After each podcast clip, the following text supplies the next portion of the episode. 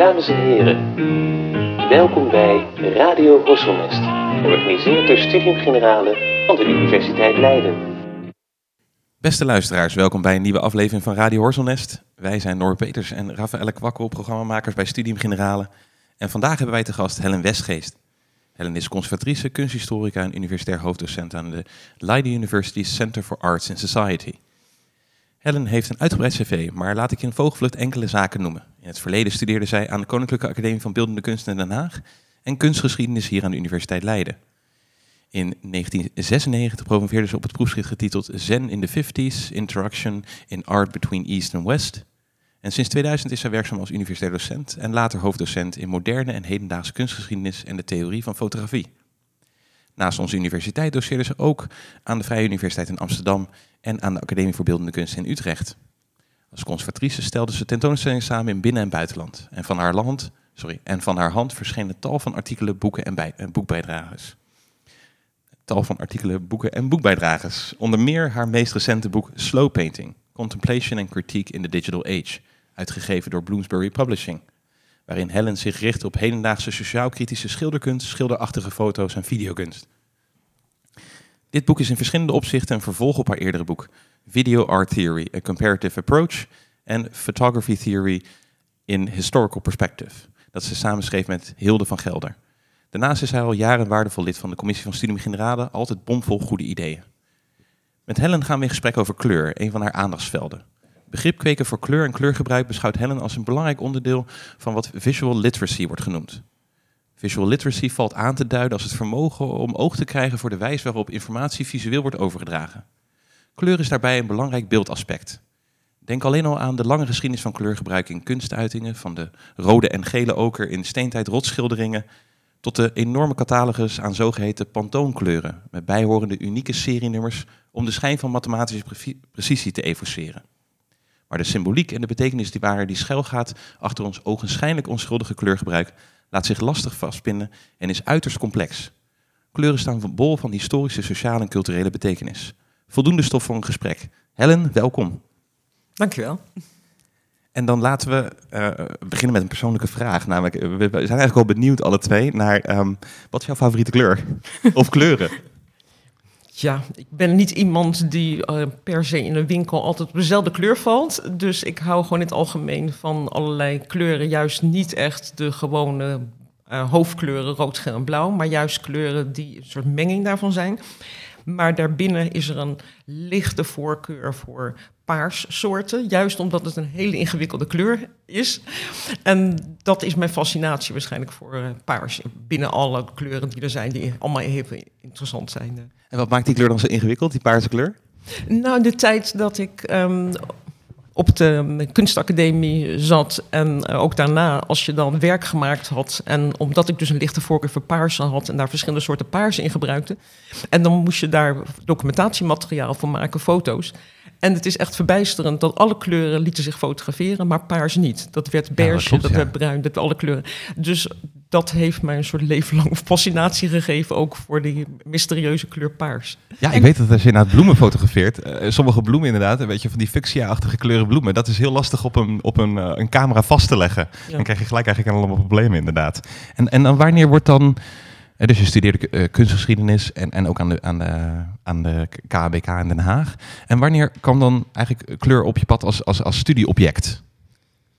Ja, het is nooit echt een los studieobject geweest. Het is natuurlijk iets wat je ja, een soort interesse heeft. Ik denk dat het bij mij zelfs teruggaat naar als ik me diep, diep in mijn geheugen graven naar als klein kind dat ik vooral altijd aan het kijken was. Mijn zus was altijd aan het lezen, ik was altijd aan het kijken. Boeken blader ik door om naar de plaatjes te kijken. Dus ja. je gefascineerd door vormen, afbeelden waar kleur een onderdeel van is. En ik denk dat je kleur niet los kan zien. Dat is juist ook het interessante van kleur.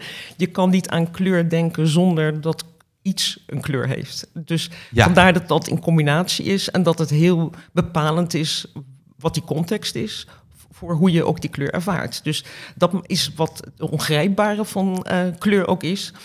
En dat is ook waar we het toevallig ook in een voorgesprek over hadden. De reden dat sommige filosofen in het verleden zeiden: je moet je überhaupt niet met kleur bezighouden, omdat het te ongrijpbaar is, te ingewikkeld. En het is heel subjectief ook vaak, uh, Ja. inderdaad. Hè? Wa- Wat je inderdaad ziet eh, en wat vooral inderdaad de tint. Of, eh, nou ja, dat zijn allemaal... Ik weet nog wel dat je inderdaad op social media had je dan die discussie, dat is alweer jaren geleden, van die jurk. Ja. Die dan voor de helft van de goede gemeente was die eh, weet ik, zwart-blauw, volgens mij de andere helft was die goud-wit. ja.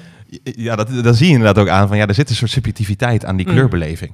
En nou is het zo, en dat hebben we in een eerder voorgesprek ook behandeld, dat op heel veel verschillende manieren eigenlijk in de commercie en de marketing ook kleurgebruik op hele slimme manieren toepassen om eigenlijk jou ook als, als klant of als jou, jouw blik te sturen. Kan je, daar, kan je daar voorbeelden van geven hoe dat wordt gedaan?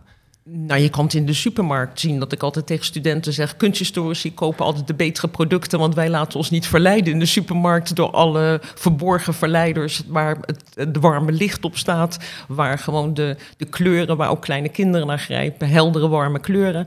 Wij kijken dan juist, hey, het betere product staat waarschijnlijk niet zoveel verdienen, staat waarschijnlijk lager in, in een minder aantrekkelijke verpakking.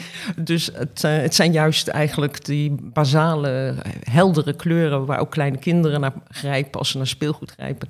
Wat nog steeds voor volwassenen ook geldt. Dat zie je in alle winkels, dat ze proberen met Ja. die warme, heldere kleuren, geel, rood, om daarmee aandacht te trekken. Ja, ja, en je ziet dus ook dat ze heel slim gebruik maken van complementaire kleur. Als je vertelde, een peer zit vaak in een paarse eh, verpakking.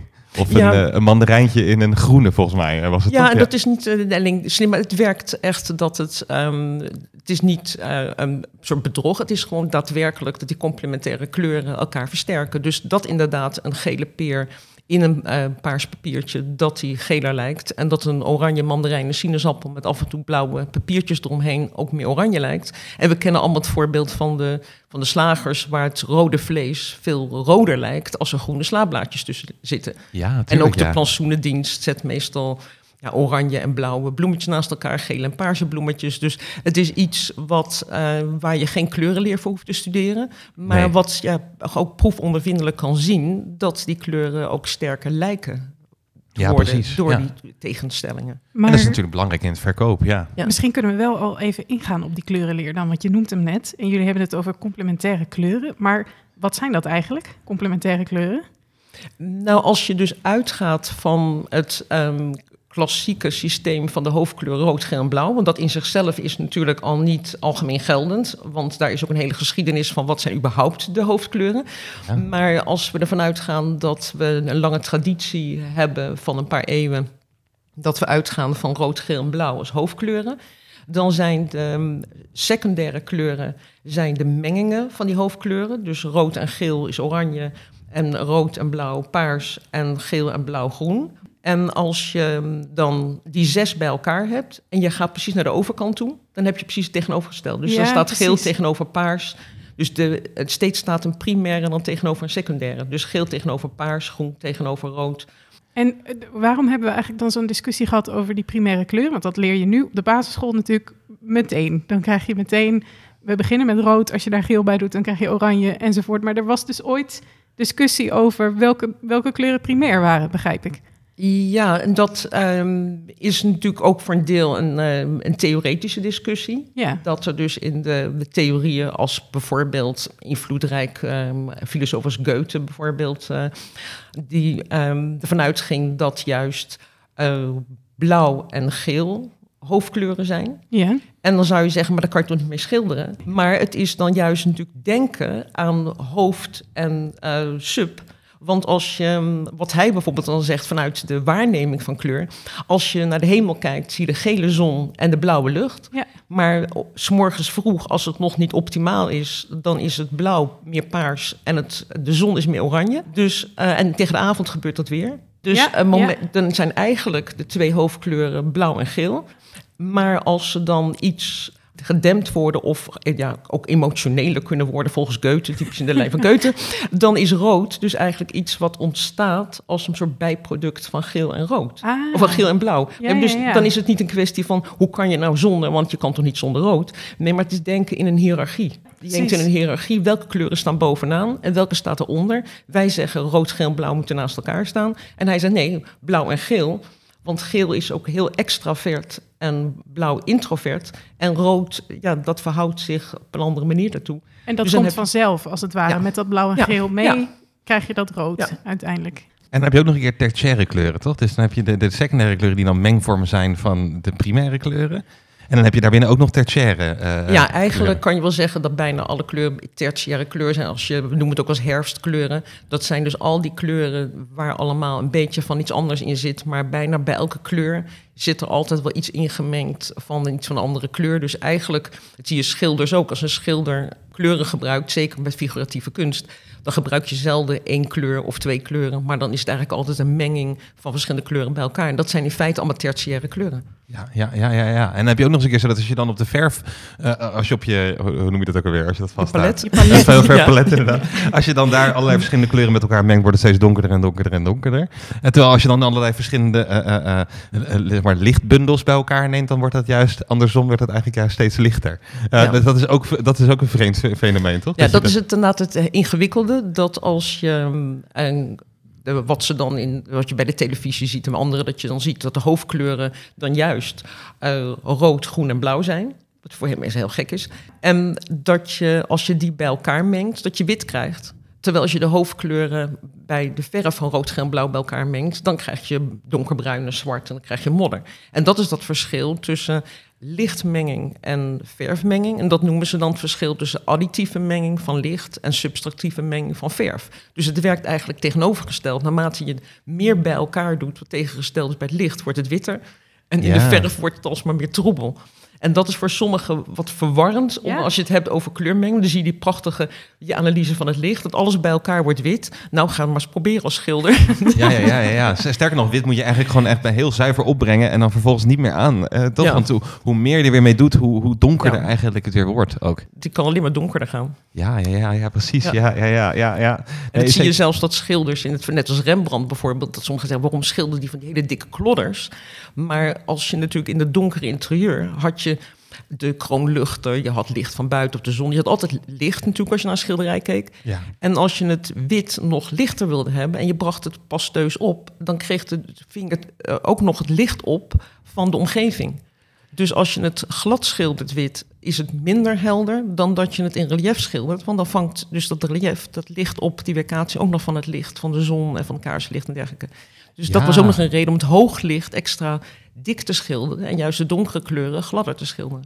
Ja, ja, ja, waardoor, je, ja, ja, ja, waardoor het eigenlijk nog meer uit dat eh, schilderij springt. En je zegt eigenlijk ook heel, van, heel erg, het is heel erg contextafhankelijk. Het is heel erg van waar hangt het. Tegenwoordig zien wij Rembrandt in, nou ja, dat zie je alleen maar in musea volgens mij, of misschien in een paar privé- privécollecties. Dan zie je natuurlijk onder museaal licht in een, eh, iets, ik stel me dan iets wat donkere kamer voor een Rijksmuseum of wat ook, waar dan dat schilderij hangt op, met allemaal spotjes erop. Is dat heel anders ook dan, dan, hoe dat, eh, dan de context waarbinnen het werd geschilderd inderdaad, of binnen, waarbinnen het werd getoond vroeger? Zitten daar veel verschillen in? Eh, Ja, kijk, je weet natuurlijk sowieso dat de interieurs vroeger donkerder waren. ja, Maar het Ja. museum tegenwoordig is natuurlijk ook van, ehm, ja, ook niet eh, fel zonlicht. Sowieso willen we niet in het museum. Dus het Nee, is nee, altijd nee, een beetje gedempt licht. Maar je kan ervan uitgaan dat natuurlijk de interieurs vroeger nog donkerder waren. Maar Ja, hoe het vroeger hing en eruit zag, is natuurlijk weer een verhaal apart. Omdat natuurlijk ook weer die verf veranderd is. Dus ook die verf is donkerder geworden. Dus, maar dat is dan weer een kwestie van ja, iets wat je zegt van die, die verfhuid, die als maar die donkerder wordt, die anders wordt, die verandert. ja. En waarvan muse- waar musea mee worstelen. Want die zeggen, als we nou bijvoorbeeld, sommige mensen willen weten, hoe was nou de echte kleur vroeger? Maar als Ja, je daar dan, en ik heb een keer een discussie bijgewoond in het Rijksmuseum, dat ze zeiden, als we nou naast elk schilderij een digitale reproductie zouden hangen met wat wij denken, voor zover we dat kunnen reconstrueren, wat originele kleur was, ja. dan ga je ineens het hele museum als een soort gemankeerde collectie zien. Van Ja, het is eigenlijk allemaal een beetje niet meer zoals het was. En allemaal een beetje een soort ziekenhuis van, van kunstwerken. dus vandaar dat ze zeiden, dan kan je beter zo'n plaatje in een catalogus doen apart. Maar niet ernaast gaan hangen. Want dan gaan mensen allemaal zoeken naar wat er allemaal verloren gegaan is. En wat er allemaal niet meer zo is. En dan kan je niet meer genieten van het, eh, van het Ja, schilderij zoals je het ziet. Dus Ja. dat is in zichzelf ook interessant. Dat de mensen aan de ene kant willen weten hoe het er origineel uitzag. Maar aan de andere kant het eigenlijk ook weer niet willen. Want die willen gewoon eigenlijk beleven wat ze zien voor zich. Ja, tuurlijk. Ja. Ja, volgens mij zie je dat in die nachtwacht toch heel duidelijk. Dat dat volgens mij ook de nachtwacht is genoemd. Omdat het ook een schilderij is wat gewoon veel donkerder is geworden Ja. naar, de, de, naar, naar gelang de eeuwen. Eh, en dat eigenlijk als je net gaat kijken naar, oké, hoe zijn dan in eerste instantie die kleuren opgebracht? Dat je een veel ja, helderder schilderij krijgt ook. Soms is het ook wel heel gek toch in die restauratie, dat ze het ook restaureren. En dat, dat het op een gegeven moment ook echt een, ik weet dat dat lam gods, dat ze dat, dat zag, maar het werd wel heel erg anders toen ze dat gingen restaureren. Dat had natuurlijk meer te maken met het schaap wat ze anders hadden weergegeven. Maar ik kan me voorstellen dat in die restauratie dat dat af en toe ook gevoelig ligt van, ja, wat voor, hoe, hoe herstel je dat inderdaad? Eh, hè, Maak je dat dan inderdaad weer, hou je die vervuilingen weg door het dan weer lichter te maken? Heb je dan inderdaad nog wel dezelfde ervaring van het kunstwerk? Ik kan me voorstellen dat dat... ook ja, het is natuurlijk ja. niet alleen vervuiling. Het is vooral natuurlijk ook dat de pigmenten zelf donkerder worden. Ja, en het bindmiddel verdonkert, lijnolie verdonkert. En het wordt wat doorzichtiger. Olieverf wordt door de tijd heen altijd doorzichtiger. En zeker loodwit wordt doorzichtig. Oh ja, En eh, een beetje doorzichtiger. Waardoor die schilderijen sowieso donkerder worden. Dus het is niet een kwestie van een donkere eh vernislaag te afhalen of zo. Dus Mhm. dat lost natuurlijk een beetje op. Bij zie je met eh, restauraties dat als ze de vernislaag afhalen, dat ietsje lichter wordt. Maar dat betekent niet dat de originele kleuren zijn.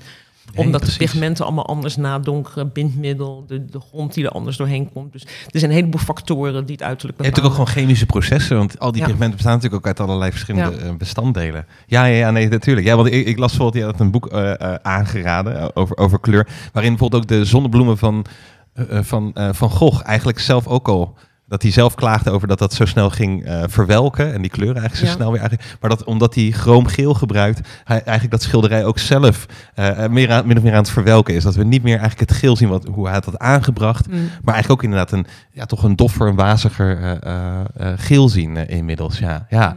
ja, dat is natuurlijk apart, hè, is dat.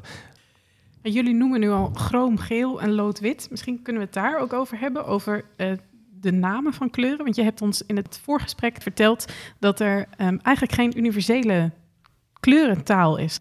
Nee, maar kijk, het bijzondere van eh, pigmenten is dat, ehm, eh, dat voor die groep nu juist wel geldt dat die namen ergens op een logische manier voor staan. Loodwit is gewoon gemaakt van, Van dat je met loodstrippen begint. En chroom ook. Dat van chroommetaal is gewoon geel en groen gemaakt. Dus over het algemeen zijn de kleuren van pigmenten staan voor wat de oorsprong is van Ja. het eh, anorganische, van de mineralen die gebruikt zijn. Maar het is meer een dagelijks leven dat we kleuren aanduiden en dat we ja, bij gebrek aan beter dan over tomaten rood hebben. Terwijl we allemaal weten dat er dus als je tomaten voor je hebt liggen op tafel, hebben ze allemaal een andere kleur rood. Ja. Of bordeaux rood. Nou, een finoloog zal gelijk zeggen, er is niet één kleur bordeaux rood. En zo heb je dus avocado groen. Nou, gaat het dan om de schil of gaat het om de binnenkant of vlakbij de pit of daar vanaf?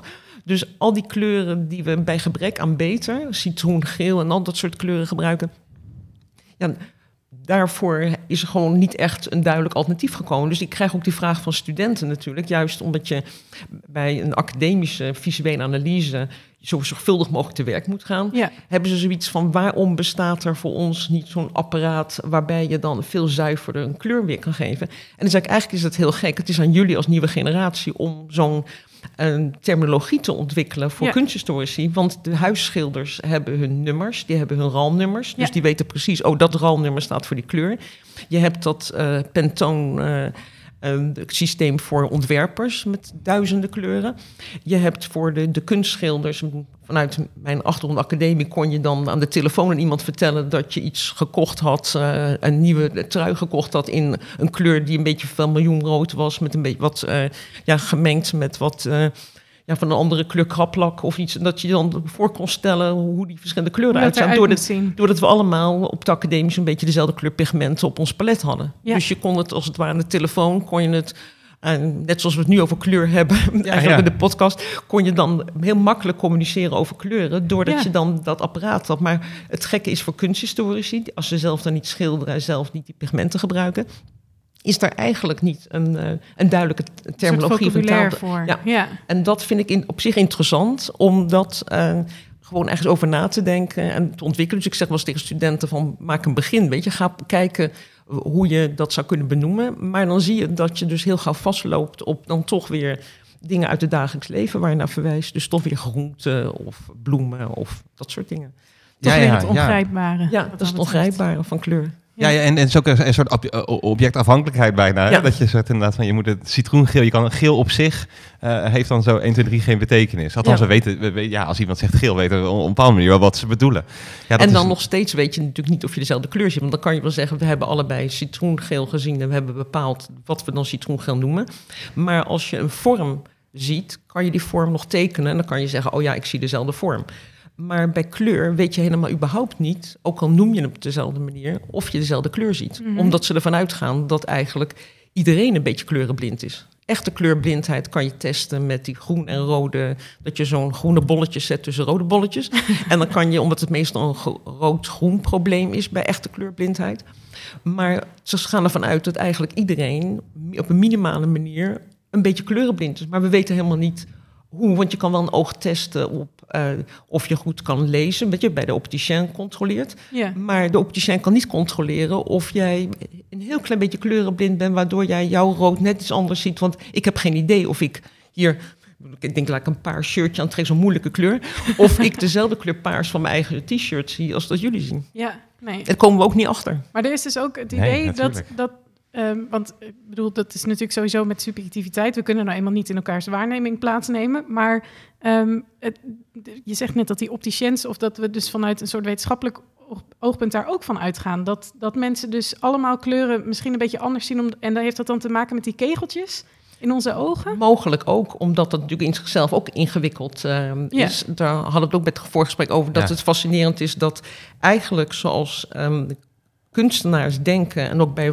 bij analyses kijken naar schilderijen, dan scheiden we toon van kleur. Ja. Terwijl natuurlijk in het licht, ja, licht heeft met, met toon te maken en licht heeft met kleur te maken. Want wat is toon precies? Voor toon is licht-donker verschil, is een schaal van licht naar donker. Ah, En oké. ehm, je kan dus als je, ehm, en dat zeg ik wel tegen studenten, van als je niet goed weet hoe de, de licht-donker zit, kan je op je computer tegenwoordig heel makkelijk, kan Ja. je elke kleurafbeelding kan je naar zwart-wit zetten. Ja. En dat is natuurlijk tot een bepaalde manier is dat, werkt dat, en dat je bent natuurlijk wel afhankelijk van hoe het systeem het omzet, maar het geeft vaak wel een inzicht in of je bijvoorbeeld een, als je een Van Gogh, wel heel veel kleuren, als je die naar zwart-wit zet, wordt het één grote grijze massa.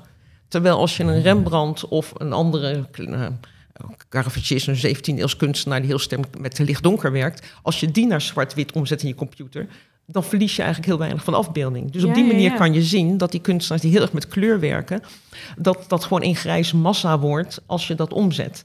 En dat is dus dat verschil tussen van licht-donker, eh, dat aan de ene kant licht-donker werken, aan de andere kant in kleur werken. Dat in feite ook wel met het oog gebeurt, waar we kegeltjes en staafjes hebben. En meer dus de staafjes voor, voor toon en de, de kegeltjes voor eh, kleur. Maar dat we. Ja, ik ben geen specialist op dat deel van het oog. maar dat het in zichzelf interessant is dat voor sommige filosofen. die kunnen zich bezighouden, zoals bijvoorbeeld Wittgenstein. met Ja. de vraag: is rood lichter dan blauw of donkerder? Wat voor kunstenaars een hele rare vraag is. Omdat je elk rood lichter en donkerder kan maken. en elk blauw lichter en donkerder kan maken. Dus Ja. daar zie je dat die benadering van kleur. of je nou een chemicus bent of. we hebben het over dat Newton denkt vanuit de optiek. Ja. Wittgenstein denkt vanuit de taalspel en de logica. Goethe denkt vanuit die ervaring. Ik zie een blauwe lucht en een gele zon.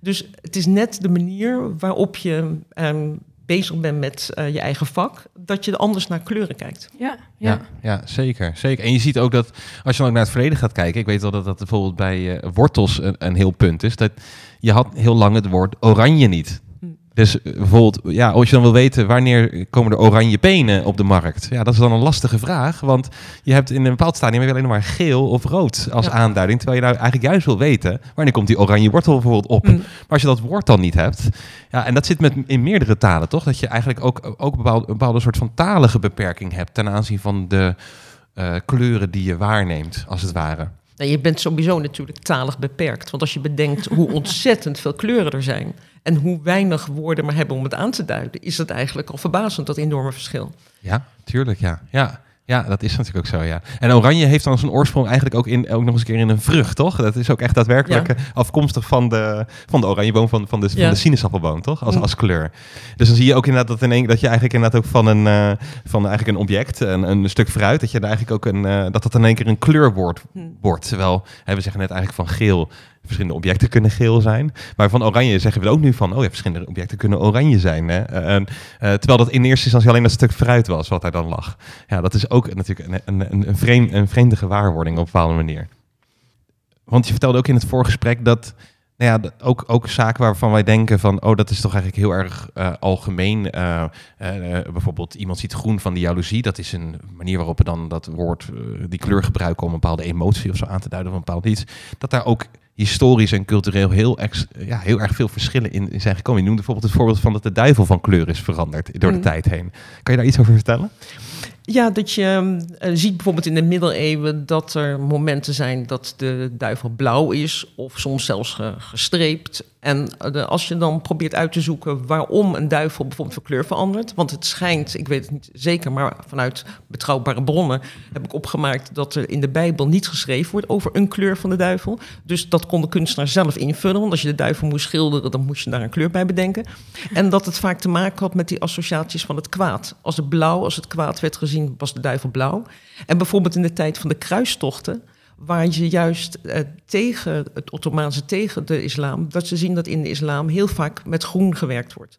Dus de duivel werd groen in de tijd dat juist, want je zit nog steeds in de islam veel met vlag en als veel groen gebruikt wordt. Klopt, ja. En dat de duivel groen werd op het moment dat juist met de kruistochten vanuit de islam gedacht dat is het kwaad. Dus je ziet steeds dat als dat de duivel de kleur aanneemt die beschouwd wordt als de kleur van het kwaad. Ja. En daar wordt, zie je ook eigenlijk dat op een gegeven moment het zwart boven komt drijven, zal ik maar zeggen. Omdat je ziet dat het behoorlijk hardnekkig is. Dat in ons taalgebruik alles wat zwart is, wordt geassocieerd met dood, negatieve, zwarte bladzijden, de geschiedenis. Ja, terwijl wit heeft iets positiefs. En dat zie je in het gewone alledaagse taalgebruik terugkomen. Dat we het donker is, uh, is minder, uh, is ja, aan het, sombere en het kwaad. En dus het, um, dat idee van dat die duivel uh, zwart werd, dat is op een gegeven moment langer voort blijven bestaan, omdat we zwart met dood associeerden. Terwijl natuurlijk in andere culturen juist ook vaak weer wit geassocieerd wordt met uh, dood. Ja, ik, ik zat net te denken inderdaad. Ik, bijvoorbeeld in Moby Dick heb je een heel hoofdstuk inderdaad... dat die Melville enorm praat over alle betekenissen die wit allemaal draagt. Maar natuurlijk, wit heeft heel vaak die connotatie van puur, zuiver. Ook denk ook aan die witte duivel wat ook of zo. Maar ook aan het vrome wit van, van, de, van de protestanten bijvoorbeeld inderdaad. Maar tegelijkertijd kan je natuurlijk ook denken... ja, wit is ook dood soms. Hè, lijk, eh, ja, ja. lijkbleek is ook, dat heeft ook dat witte ja, heeft ook iets van die dood eigenlijk. Ja. Dat, dat je ziet natuurlijk bij begrafenissen dat juist zwarte kleur van begrafenissen, of sommige juist wit. Dus dat idee van dat zwart en eh, wit. En het is zelfs zo dat je, want het feit dat bepaalde kleuren warm en koud zijn, dat is over het algemeen wordt hetzelfde over gedacht. Alhoewel het zelfs ook zo is dat in de middeleeuwen blauw als uh, warm werd ervaren. Ja, ja als dus de warmste kleur, ja. Maar over het algemeen zie je dat het wel zo is dat uh, geel en roodachtige kleuren als warmer ervaren worden. En blauw en groen als koeler. En dat heeft ook te maken met het uh, ogen. Dus kinderen zullen. En dat heb ik een keer een psycholoog uit laten leggen. Dus kleine kinderen zullen minder gauw naar blauw en groene voorwerpen grijpen. Ja. Maar eerder naar geel en rood. Daarom zie je ook natuurlijk ja, als, um, als een signaalkleur voor. Ja, ambulances en dergelijke en uh, stoplichten en uh, of tenminste verkeersborden. Dat rood en geel lijkt altijd dichterbij. En dat kan je echt verklaren in het oog. Dat als je bijvoorbeeld iemand buiten ziet lopen met geel of rood, die lijkt dichterbij te zijn dan iemand die met blauw of groen loopt. Dus in het oog lijkt het dichterbij. Dus je grijpt eerder, een kind grijpt dan eerder naar geel en rood. Dus dat zijn uh, dingen die te verklaren zijn. Dat rood en geel dichterbij lijken en blauw en groen verder weg. Maar bijvoorbeeld, als het, wat je zegt, cultureel gekoppeld is, denken wij dat het logisch is dat uh, blauw voor jongetjes is en roze voor meisjes. Terwijl het ook in de geschiedenis zo geweest is, niet eens zo lang geleden, dat roze juist voor jongens was. Want het was op weg naar het rood van, van de kleding, ook van het leger en bepaalde waardeoordelen. Uh, en dus het idee van een hogere status. En dat was dan aan jongetjes gekoppeld tot rood. Terwijl meisjes met blauw was aan Maria gekoppeld en de mantel van Maria. Dus dat was juist blauw de kleur voor meisjes eigenlijk heel, vanuit dat perspectief logisch gedacht. dus dat soort dingen zie je wisselen, zoals ik zei, de duivel, jongens en meisjes. Dat, dus dat zijn eigenlijk die culturele waarden die eraan gekoppeld worden. Maar ik zei, er zijn dus ook die fysieke dingen, dat nergens zullen ze dus zeggen, oh blauw en groen komen voor ons eerder naar voren. En we vinden dat uh, geel en rood Nee. verder weg lijken. Ik zit zelfs te denken dat in de plantenwereld dit heel veel voorkomt. Heel veel bloemen, uh, uh, zeker de bloemen die door vogels worden bestoven, die een beetje hetzelfde deel zien van het kleurenspectrum als, als, als, als mensen. Dat je heel vaak ziet dat de, nou, de plant is natuurlijk vaak groen, blauw, ook wel zo'n beetje blauwe groen. En dan is Ja. de bloem bijvoorbeeld inderdaad uh, geel-rood. Toch ook ergens om, ja, die moet opvallen om bestoven te worden. Dus die moet dan wel in de blik, ja, in de blik vallen. Dus dat, dat, zelfs ook planten dat op een bepaalde manier uh, zeer tactisch weten, Ja. weten toe te passen. Ja, ja, het ja. is zelfs opvallend als je kijkt naar het hele um, elektromagnetisch spectrum, wat natuurlijk enorm is, waar we maar een heel klein stukje van zien. Dat maakt je als mens wel bescheiden. Dat je weet dat er een heleboel dieren zijn die een veel groter deel van het spectrum uh, zien. Dat wij in dat kleine stuk, wat het zichtbare deel, eigenlijk meer warme kleuren zien dan koude kleuren.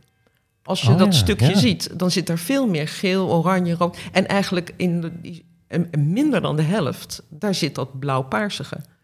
Grappig, dus, ja. Dus het is eigenlijk in feite dat van dat enorme elektromagnetisch spectrum, weet je, wat echt dus gaat van, van röntgen en UV en als al, al die dingen die we allemaal niet zien. ja, ja. En, maar dat is opvallend dat je dan denkt dat we net zoveel koele als warme kleuren zien. Maar het, het stukje binnen dat eh, bereik wat we hebben, is het stukje blauw-paars kleiner dan het stukje van al die warme tinten. Ja, je ziet dus op een bepaalde manier ook dat het, dat het door de tijd veranderlijk is. Maar je ziet toch ook wel dat er, een, dat er zekere constanten zijn. Zoals je zegt, dat het Ja. warm-koud.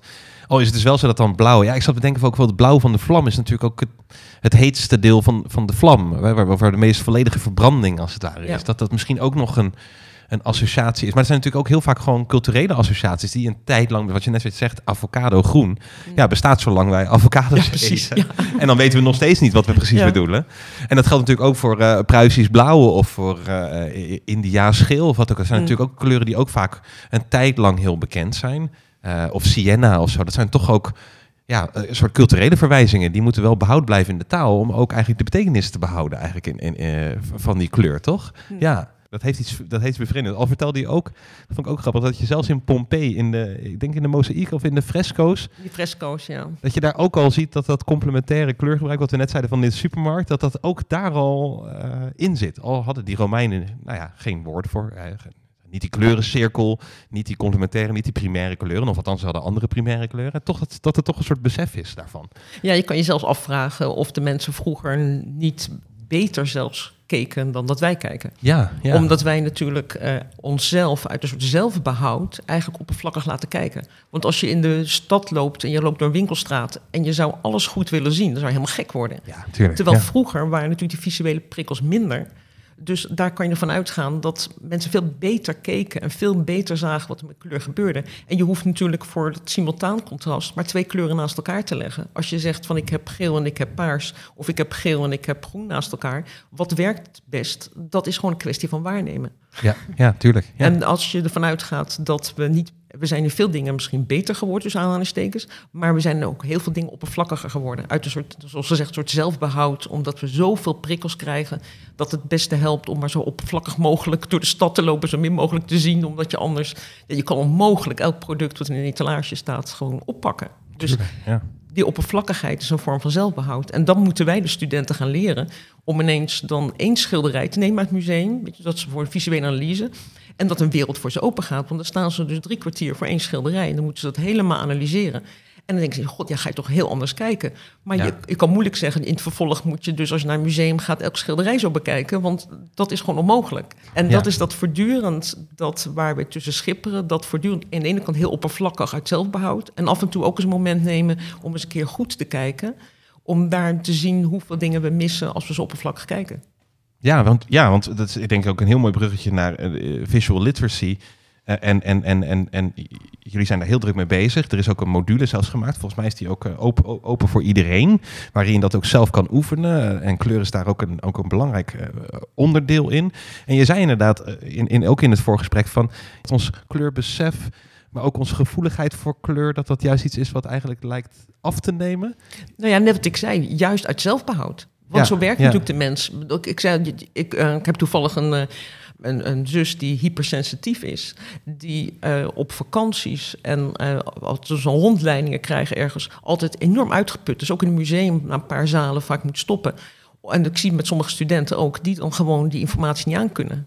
Terwijl als je ja, uit zelfbehoud heel oppervlakkig gaat kijken, dan hou je het langer vol. Dus het is een mechanisme van overleven dat we de oppervlakkig gaan kijken. Dus ik zeg niet dat we met z'n allen dus ineens hypersensitief moeten worden. Nee, en dat, nee. omdat je ja, dan gewoon de hele dag eh, alleen maar prikkels krijgt. Ja, tuurlijk. Maar ja. het is dus wel jammer dat we het eh, dagelijks leven zo vol hebben gemaakt met onze, op onze smartphones en met alles wat om ons heen zien aan kleuren en impressies. Als je op het station staat en overal de- vanaf het moment we wakker worden tot het moment we naar bed gaan. Dat je daardoor weinig momenten hebt om even stil te staan bij iets. En Ja, dat ja, eh, ja.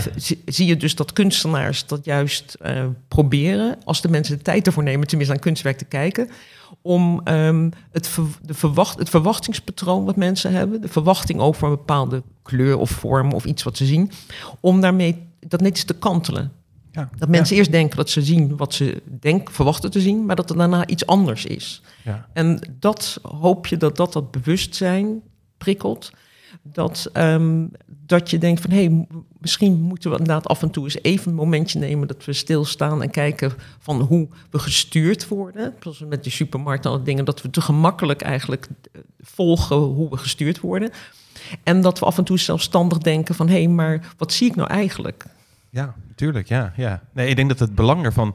Ja, al, denk ik inderdaad, ja, het belang inderdaad, want in, je hebt inderdaad die oppervlakkige blik. Ja, ik vond het heel aardig. Ik heb, ik heb natuurlijk een deeltje van die test ook gedaan, dat je ook... Ja, je leert eigenlijk ook op een bepaalde manier zien van... Oh, zo'n schilder, die...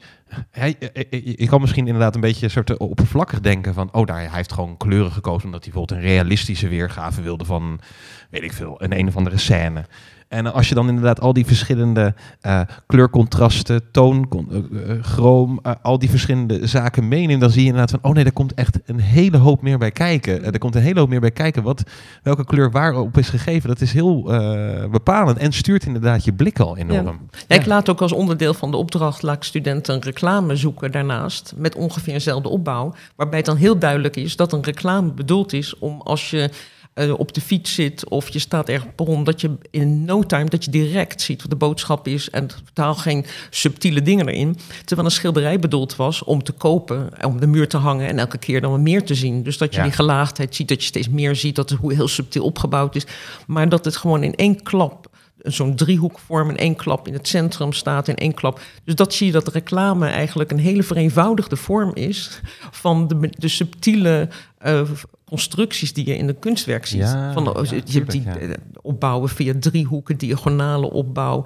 eh, subtiel hoe handen naar elkaar wijzen, blikken en dergelijke. Dat zie je in reclame niet. Dan is het gewoon zo, zo in je Ja, face. het, eh, dient, het dient eigenlijk die oppervlakkigheid. Eh, de- Ja. Het speelt eigenlijk in op die Ja. oppervlakkigheid. Ja, natuurlijk want je wil natuurlijk niet, Ja. zegt de student ook, natuurlijk hebben ze bij reclame niet de subtiliteit van een kunstwerk. Want het is niet de bedoeling dat je je trein voorbij laat gaan, want je nog wat langer naar reclame wil kijken. Dus het is echt het idee dat je het heel Nee. snel ziet en dat Ja. meepakt. En daarom is het zo interessant om dat te zien hoe dat werkt. Dat ze het naast elkaar zien en dan ineens snappen dat dat schilderij, wat ze best moeilijk vinden om te analyseren, dat dat ook mee te maken heeft, omdat het veel subtieler juist is. En dat je als je langer kijkt, dat je steeds meer ziet en dat er veel meer dingen in zitten, heel geraffineerd. En dat dat juist ook het doel was. Want je wil natuurlijk een reclame snel zien. Maar een kunstwerk wil je langer aan de muur hangen. En nog een keer kijken. En nog een keer. En elke keer dat je weer net iets anders ziet. En dat je steeds meer oog krijgt voor die subtiele dingen. En dat kunnen we dus leren binnen de visual literacy. Want daar hebben jullie het net al even over. Maar wat is dat nou eigenlijk? Wat, wat verstaan we daaronder? Nou, het is. ehm, eigenlijk is het ontstaan het idee van dat we alfabetisme en analfabetisme hebben. En dat je ervan uitgaat dat ehm, het belangrijk is dat mensen kunnen lezen en schrijven. En het gekke is dat je, als je ervan uitgaat dat overal waar mensen zijn ter wereld, is er visuele taal. Of mensen nou hun lichaam versieren of hun, hun huizen of wat dan ook. Dus overal wordt met beeldtaal gewerkt, met beeld. En dan is het toch eigenlijk heel gek dat we wel het belang zien van het verschil tussen alfabetisme, analfabetisme en het inzicht hebben in talen. Terwijl je dan denkt, inzicht in het visuele zou misschien minstens zo belangrijk zijn. Want er zijn natuurlijk aardig wat taalgroepen en dergelijke, maar er is ook heel veel al over eh, onderzoek naar gedaan. En allerlei gebieden waar nog geen talen beschreven zijn. Er wordt, gaat nog iemand heen om dat vast te leggen. Ja, maar juist het vanzelfsprekende dat overal beeldtaal is. En dat we dan zo weinig ervan weten. En dat we ook niet weten wat precies het verschil is tussen, eh, als we het hebben over analfabetisme en alfabetisme met schrijven en eh, lezen, hoe dat dan zit bij het visuele. Dat we ervan uitgaan dat natuurlijk de ene wat meer visueel geletterd is dan de ander. Maar wat nou betekent als je ogen goed zijn, dat je ook een soort analfabeet kan zijn op visueel gebied. Wij gaan ervan uit dat onze kunstgeschiedenisstudenten zoveel, zo goed kijken dat ze waarschijnlijk meer uh, geletterd zijn en dat op zich meer visueel geletterd zijn dan anderen. Maar dat idee over dat meer willen weten van beeldtaal, of het een universele taal is, dat je de misverstanden die kunnen ontstaan. Als je naar een andere cultuur gaat, ik heb een tijdje in Japan gezeten voor onderzoek, maar als je daarheen gaat, dan is het een van de eerste dingen die je in de boekjes leest. Oppassen met culturele verschillen. Bepaalde dingen die je doet of zegt. Of... En dan denk je, ja, maar met beeld weten we eigenlijk helemaal niet hoe dat nou zit met die visuele verschillen. Als we daar meer inzicht in kunnen krijgen, zouden we ook meer kunnen begrijpen van elkaars gebruik van kleur. Of... Dus, en dan niet alleen op het gebied van kleur, maar überhaupt. Dus beeld, taal, het visuele. En dat we dat eigenlijk niet weten. Het is bijna een soort alsof het is eigenlijk begrijpend kijken. Ja. terwijl het begrijpend lezen is natuurlijk ook een kijkelement in. Nou, je moet ook die, daadwerkelijk die tekst lezen. Uh, maar het is eigenlijk begrijpend kijken inderdaad. Ja, maar dat ook zelfs dat is nog niet eens zo duidelijk. Want begrijpend kijken zou dus ook betekenen, volgens sommigen, dat um, het verschil tussen visual literacy en illiteracy zou zijn dat je begrijpt waar je naar kijkt. Dus dat je dan de betekenis van wat je ziet. Terwijl anderen zeggen, als je kijkt naar bijvoorbeeld het analyse van een schilderij, van de opbouw ervan, mhm. dan is het niet, uh, ze moeten zich juist ver van iconografie houden, van alle betekenissen van wat ze zien. Ze moeten juist kijken naar hoe zijn elementen opgebouwd, hoe is het geordend. Dat je een ja. kijkrichting hebt, dat je blik gestuurd wordt. En dat is toch bepaalde manier begrijpend, maar het is niet naar betekenissen van wat je ziet. Sommigen zeggen visual literacy zit meer dat je de betekenis begrijpt van wat je ziet. En anderen zeggen nee, gewoon goed kunnen kijken. Bij wijze van spreken kleuren kunnen onderscheiden, vormen na kunnen tekenen, een vorm uh, onthouden, een beeldgeheugen. Dus er zijn zoveel varianten ook te bedenken van wat nou eigenlijk goed kijken is. Is dat dan goed een vorm kunnen onthouden of kunnen analyseren of begrijpen wat de betekenis is? Of het is bijna zo, ja, maar ik vond in close reading, je, je kan natuurlijk ook heel oppervlakkig, hè, en dat weet ook wederom de reclameslogans heel goed op in te spelen. Just do it van Nike is ook iets wat meteen hè, uh, uh, iets oproept. Maar je kan natuurlijk dat gaan close readen. Waarom staat daar uh, doen hè, in plaats van? En wat is it? je, kan, je kan natuurlijk heel veel nadruk leggen op, op die verschillende woorden. En kijken van waarom zijn nou juist deze woorden gekozen? Waarom in. dus dat je op een bepaalde manier ook ja.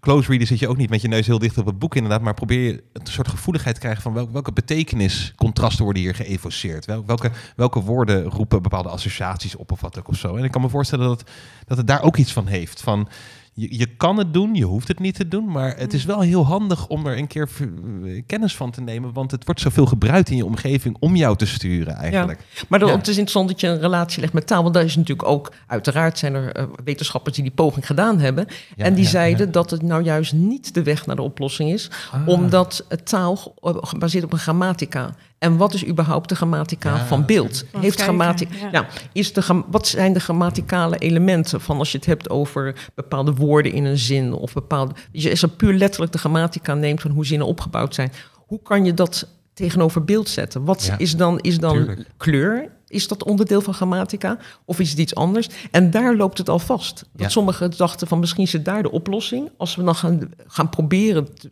begrijpen wat de grammatica van beeld is maar als je dat al daarop vastloopt, dan zeggen ze nee, je moet juist het niet als gelijk willen beschouwen. Je moet juist het visuele en het textuele moet je juist als twee verschillende dingen zien. Dan mhm. kom je dichter bij een oplossing dan dat je gaat proberen. En dat is natuurlijk ook vanuit, ja, deel vanuit de filosofie geprobeerd dat uh, beeld een soort tekst is. Dat je dus eigenlijk de manier waarop je close reading van beeld, weet je, dus echt beeld als een tekst beschouwen. En daar zijn we eigenlijk al een tijd van af, omdat we denken dat we vanuit het structuralisme, dat je beeld niet beter begrijpt door het als een tekst te beschouwen. Maar hoe, hoe doen we dat dan wel? Want ik, ik, bedoel, toen ik de module online bekeek, toen viel me natuurlijk inderdaad meteen op, omdat jullie meteen al beginnen eigenlijk met, ga nou eens eerst naar kleur kijken. Want je noemt het net al, als, als je dan wel dat soort, die koppeling met tekst en beeld naast elkaar houdt, dan zou je kunnen zeggen dat kleur iets van die grammatica heeft. En ik moet daar wel meteen aan denken dat ik wel het gevoel had toen ik de module doorliep en gewezen werd op hoe gelaagd kleur eigenlijk is. Dat ik dacht, oh ja, kijk, je moet gewoon echt even je best doen. En dan snap je de structuur van wat je ziet beter. Ik zal als voorbeeld gebruiken, um, jullie besteden de module en we raden iedereen aan om dat thuis ook even te bekijken. We zullen de link opnemen in de beschrijving. Um, maar jullie beginnen ook in een, een van de eerste stukken met dus huidskleur. Met de huidskleur van mensen op schilderijen. Want je vertelde uh, in het voorgesprek ook al, dat is voor kunstschilders het onderwerp, om het maar zo te zeggen. Een heel belangrijk ding. Misschien kun je daar iets over vertellen. Wat is er zo belangrijk aan die mensenhuid? Nou, aan de ene kant um, kan je zeggen, zeggen sommigen, dat um, de reden dat er in traktaten over hoe schilder je, dus een handboek voor de schilder met een toelichting van uh, hoe schilder je um, lucht, hoe schilder je uh, bomen, hoe schilder je water, dus, en hoe schilder je goud of zilver, dat zo'n uitleg van hoe schilder je wat, dat um, sommigen zeggen, ja, het feit dat er meeste aandacht besteed wordt aan het incarnaat, aan de huidskleur, aan vleeskleur, is omdat het het moeilijkste te schilderen is. En dat is toch wat de meesten van uitgaan dat het zo is. Er zijn ook sommigen die opmerken, vind ik wel interessant dat ze zeiden, als je in een schilderij een fout maakt, dan is het ook het ergste als je de fout maakt in het huidskleurgedeelte. Want wij als mensen zijn gericht op mensen. Dus als je naar een kunstwerk kijkt en dan staan mensen op, dan ben je net zoals we in het dagelijks leven zijn. Als er mensen zijn, dan ben je, gaat, trek je oog naar de mensfiguur. Dus ze zei, als je een fout maakt, dan wordt het ook meest eerst opgemerkt als er in de huidskleur fout zit. Maar over het algemeen wordt ervan uitgegaan dat het uh, nog, nog, veel belangrijker is dat het het moeilijkste is. Dat wordt echt uh, vanaf de, uh, de middeleeuwen wordt dat al aangegeven dat ze zeggen ja. Het is, de mens is niet roze. Als je vanuit de westerse, West-Europese traktaten kijkt, ja, de mens is niet uh, alleen maar roze of alleen beige. Of, dus hoe je nou dat doorzichtige van de menselijke huid kan geven. En dan is het natuurlijk nog zelfs anders dan een doorzichtige sluier. Want je kan Maria bijvoorbeeld, als je het over de West-Europese kunst uh, hebt, de christelijke kunst, dan heb je nog een doorzichtige sluier van heiligen. Maar dan is de kwestie van iets doorzichtig weergeven in een bepaalde kleur. Maar huid is doorzichtig met uh, verschillende kleuren. Dat je ziet als iedereen die naar zijn eigen huid kijkt. En dat geldt niet alleen voor de, de, de blanke huid, maar dat geldt voor iedere huid. Dat iedere huid heeft volgens de meeste traktaten zoveel kleuren als er kleuren zijn in het spectrum. Ja, dat elke huid, je kan als je als iedereen die dus naar de podcast luistert, naar zijn eigen huid kijkt, dan zijn je overal op je huid wel plekjes te vinden die gelig zijn, blauwig zijn, rozeachtig. Dus het is echt een verbazing hoeveel kleuren erin zitten. Bijvoorbeeld de 17e-eeuwse schilder Rubens zei een keertje... Het is, die had een soort triasleer gemaakt en die zei van... ja, eigenlijk alle kleuren die je hebt... die moet je gewoon allemaal naast elkaar zetten. Meer dan in een landschap of een stilleven of zo. En dan krijg je dus echt dat wat de menselijke huid is. Ja, ja, ja, het is ook merkelijk, hè? want het is juist zoiets wat zo snel wordt gereduceerd op bepaalde uh, tinten of zo. Ik weet, ik weet dat je op een gegeven moment, je had vroeger al, eh, je had eerst altijd die smiley, dat was altijd in dat soort uh, acid yellow, hè? Dat, dat, dat, dat, hele, hele felle, felle geel. Maar je hebt bijvoorbeeld nu al inderdaad de optie van, ja, je kan dan niet alleen een, een gele smiley gebruiken, maar je kan, je kan daar een, een, een soort skin tone aan, aan toekennen, weet je wel. En dan zie je ook inderdaad, ja, dan krijg je een aantal keuzes, maar dat is natuurlijk heel beperkt. Dat is natuurlijk ook maar gewoon één kleur. Hè? Dat, uh, je, Jan, toen vorige keer, in het vorige nam je een boek mee ook, waarin je dat ook heel mooi kon zien inderdaad. Van ja, ja, je hebt natuurlijk eigenlijk geen. Hè, we gebruiken het wel in de taal, uh, een zwart iemand uh, en wit iemand. Maar dat zijn natuurlijk helemaal niet. Dat, ja, die kleuren hebben ze helemaal niet. Dat is, nee, dat is, uh, dat het gekke ja. van de rassentheorie. Dat idee van het witte ras. Nou, als, we zijn alles behalve wit. Ja, dus we hebben gewoon alle mogelijke kleuren. Maar ook het gele ras, ze zijn helemaal niet geel. Het, het, zwarte ras bestaat ook niet, want het is mensen die zwart zijn, hoe donker in Afrika ook, zijn er ook alle kleuren bij elkaar. Dus, en de, de rode indianen bestaan ook niet. Dus het idee van wit, rood, geel en zwart, dat van die rassentheorieën, dat zijn indelingen geweest van Linnaeus en zo, die, die teruggingen. Die wilden zoiets van, ja, je kan de wereld geografisch indelen in landen, dat is erg ingewikkeld. Maar het viel ze op met heel die wereldreizen. Hele mensen ook een beetje een andere kleur, laten we dan in kleurengroepen indelen. en dan ah, denk je, ja, in die tijd was dat dan misschien handig. Maar dat we zo lang doorgegaan zijn met het nadenken over zwart tegenover wit. Of moet je nou blank tegenover donker zetten? Of, ja, ik vind eigenlijk het mooiste als term de people of color. Want dan denk ik, dat geeft ons eigenlijk de bescheidenheid. En dan ons, noem ik vanuit, dat kunnen mensen niet zien, dat ik vanuit het zogenaamde witte-blanke uh, ras uh, ben. Dat je dan juist people of color een iets is wat een meerwaarde heeft. En dat je dan eigenlijk denkt van, goh, als wij wit zijn, zijn we eigenlijk een beetje gemankeerd. Dat we dan uh, eigenlijk een, ja, iets missen. En in, maar in feite, als je dus denkt vanuit pure schilderkunst, zijn we allemaal people of color. Omdat je dus elke huid uit al die kleuren bestaat. Dus alleen dat bewustzijn al, dat je dus um, in de hele skin tone bias, de hele discriminatie. Dat als je dus eigenlijk met kleine kinderen al begint om te zeggen dat iedereen in de klas heeft gewoon alle kleuren. Dus je zou eigenlijk met die kinderen in de klas moeten zeggen: we nemen alle kleuren op het palet en dan gaan we allemaal kleurtjes op ons, op ons lichaam zoeken. En dus vind je alle kleuren, vind je. Dus dat geeft ze allemaal het gevoel dat ze allemaal kleurtjes bestaan, maar iedereen uit een andere combinatie van kleurtjes.